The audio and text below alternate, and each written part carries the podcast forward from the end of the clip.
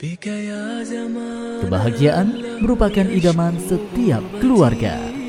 Mari bimbing dengan keluarga Islami. قلبي تساوره الهموم توجعان ويزيد همي إن خلوت بظلمتي السلام عليكم warahmatullahi wabarakatuh. Pendengar yang dirahmati Allah, pernahkah Anda mendengar sebuah tragedi memilukan dan susah untuk difahami? Seorang anak kecil tewas terbunuh oleh orang tuanya sendiri lantaran orang tua gregetan atas tangisan sang anak yang tidak segera berhenti. Sang ayah pun memperlihatkan kuatannya sehingga darah dagingnya tersebut menghembuskan nafas terakhir di tangan orang tuanya sendiri. Wal billah. Sebuah tindakan kekerasan orang tua di lingkungan keluarga yang terjadi karena sikap emosi dan ketidaksabaran.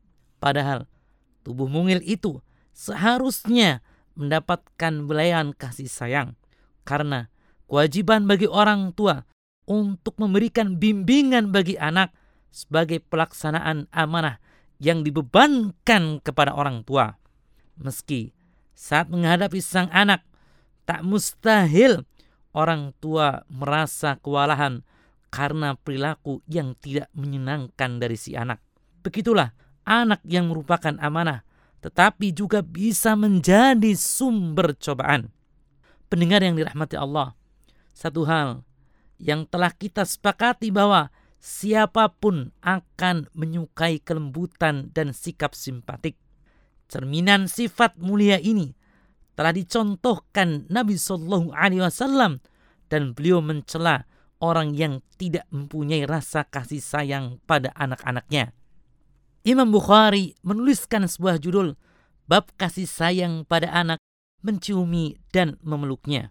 Dalam bab ini, beliau membawakan sebuah hadis yang menceritakan bahwa suatu ketika Nabi Shallallahu Alaihi Wasallam kedatangan seorang sahabat yang bernama Aqra bin Habis. Ia melihat Nabi Shallallahu Alaihi Wasallam sedang mencium cucunya Al Hasan radhiyallahu anhu. Maka ia berkomentar, aku mempunyai sepuluh orang anak, namun aku tidak pernah mencium satu pun dari mereka. Maka Nabi Shallallahu Alaihi Wasallam bersabda, Man la yarham la yurham.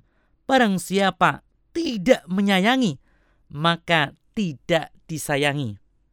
Di tengah keluarga, anak-anak juga mempunyai hak layaknya anggota keluarga lainnya.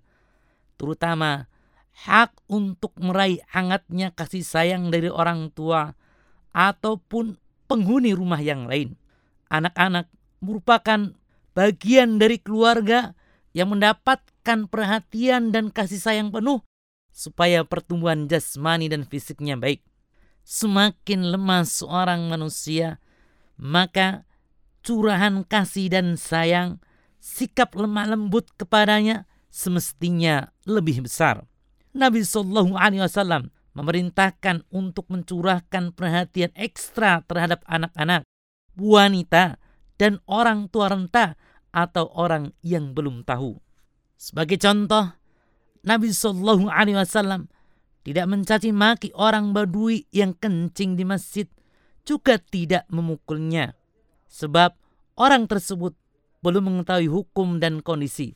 Oleh karena itu, beliau tidak bersikap kasar kepadanya, justru melarang sebagian sahabat yang berniat untuk menghentikan tindakannya yang tidak terpuji di masjid. Demikian juga saat mengomentari kesalahan sahabat Muawiyah bin Hakam As-Sulami radhiyallahu anhu yang mendoakan orang yang bersin di tengah solat. Usai solat, Nabi Shallallahu Alaihi Wasallam hanya menasehati ini adalah solat, tidak pantas di dalamnya diucapkan omongan-omongan dengan orang. Yang dikerjakan hanya mengucapkan tasbih, takbir dan membaca Al-Quran. Begitu melihat lembutnya teguran Nabi Shallallahu Alaihi Wasallam, maka Muawiyah pun berkata, Aku tidak pernah melihat pendidik sebelum dan sesudah itu yang lebih baik cara mendidiknya dibandingkan beliau. Beliau tidak pernah menghardikku, tidak memukulku, juga tidak mencaci makiku. Itulah karakter yang mendominasi pribadi Nabi Shallallahu Alaihi Wasallam menjadi teladan bagi seorang guru, pendidik ataupun orang tua. Sifat kelembutan dan kasih sayang menjadi simbol apalagi pada anak-anak. Pendengar yang dirahmati Allah, apabila rasa cinta, kasih sayang orang tua kurang tercurahkan pada diri anak-anak, tak mustahil sang anak akan tumbuh sebagai pribadi yang berperilaku aneh di tengah komunitasnya yaitu kawan-kawannya. Misalnya, ia menjadi tidak pandai berinteraksi dengan orang luar, kurang memiliki kepercayaan diri, kurang memiliki kepekaan sosial, tidak mampu menumbuhkan semangat gotong royong ataupun pengorbanan. Kelak, kadang-kadang ia tidak bisa menjadi seorang ayah yang penyayang atau pasangan yang baik interaksinya juga tidak bisa berperan sebagai tetangga yang baik dan efek negatif lainnya. Sebab itu, merupakan kewajiban bagi orang tua untuk memenuhi kebutuhan cinta dan kasih pada anak-anaknya. Memang, Islam memperlakukan cara mendidik anak dengan sanksi atau ikob. Namun, bentuk-bentuk sanksi itu merupakan pilihan terakhir dan harus sesuai dengan rambu-rambu yang telah digariskan Islam. Setiap orang tua muslim tidak boleh bertindak aniaya kepada siapa saja, apalagi menjadikan anak-anak sebagai objek pelampiasan kemarahan, kompensasi dari stres, ataupun kejengkelan yang sedang menyelimuti kepala orang tua. Menghukum orang dewasa yang tidak bersalah saja dilarang keras oleh Islam, apalagi menghukum anak-anak yang masih kecil yang tidak berdosa dan tidak berbuat salah. Tindakan semena-mena yang dilakukan oleh oknum orang tua, ibu atau ayah baik yang bersifat fisik, emosi, ataupun psikis, tetap saja termasuk dalam kategori kezoliman yang akan dimintai tanggung jawabnya kelak di akhirat. Allah Subhanahu wa taala berfirman dalam surat Al-Hijr ayat 92, "Farabbika lanas'alannahum ajma'in." Maka demi Robmu kami pasti akan menanyai mereka semua. Pendengar yang dirahmati Allah, Orang tua yang sukses dalam mendidik anak harus menjauhi cara-cara hukuman fisik. Impian setiap pasangan adalah anak-anak mereka tumbuh dan berkembang secara optimal agar kelak menjadi manusia yang memiliki kepribadian matang. Kekerasan di samping merupakan tindakan itu sia-sia, hal itu juga berbahaya bagi pelaku dan objeknya. Metode mendidik dengan tindakan fisik seperti menampar, mencubit, atau memukul tidak efektif memberikan penyadaran. Justru yang sangat mungkin akan menimbulkan luka batin, trauma, serta mengganggu pertumbuhan kepribadian anak. Dia akan menjadi pendiam dengan menyimpan kebencian karena karakternya sudah hancur oleh penghinaan dan ejekan. Atau sebaliknya, sang anak menjadi hiperaktif atau dia justru mengalami depresi.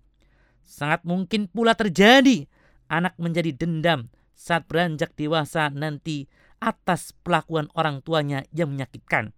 Bahkan kemungkinan juga terjadi cacat fisik atau kematian. Pada saat itulah akan muncul penyesalan namun nasi sudah menjadi bubur. Layak untuk direnungkan penjelasan Ibnu Khaldun yang mengatakan barang siapa yang pola asuhannya dengan kekerasan dan otoriter, baik ia pelajar atau budak ataupun pelayan, maka kekerasan itu akan mendominasi jiwanya. Jiwanya akan merasa sempit dalam menghadapinya. Ketekunan akan sirna dan menyeretnya menuju kemalasan, dusta, dan tindakan keji, yakni menampilkan diri dengan gambar yang berbeda dengan hatinya lantaran takut ayunan tangan yang akan mengasarinya. Oleh karenanya, pendengar yang dirahmati Allah, terkait dengan interaksi kita dengan anak-anak, maka paling tidak ada tiga hal yang menjadi perhatian kita, yaitu yang pertama berinteraksi dengan anak kecil harus dilandasi dengan sifat kasih sayang dan cinta. Kekerasan hanya akan menimbulkan efek yang negatif bagi anak. Yang kedua, Islam melindungi hak-hak anak-anak. Yang ketiga, kita harus menyadari betul bahwa setiap apa yang kita lakukan termasuk kezaliman, maka perbuatan seperti ini akan ada balasannya dari Allah Subhanahu wa taala. Pada akhirnya, semoga Allah Subhanahu wa taala memberikan kemudahan kepada orang tua untuk bersikap lemah lembut terhadap anak-anak sebagai permata hati mereka sekaligus amanah dari Allah Subhanahu wa taala. Wallahu a'lam. Assalamualaikum warahmatullahi wabarakatuh. الشكوى تداوي مهجتي قلبي تساوره الهموم توجعان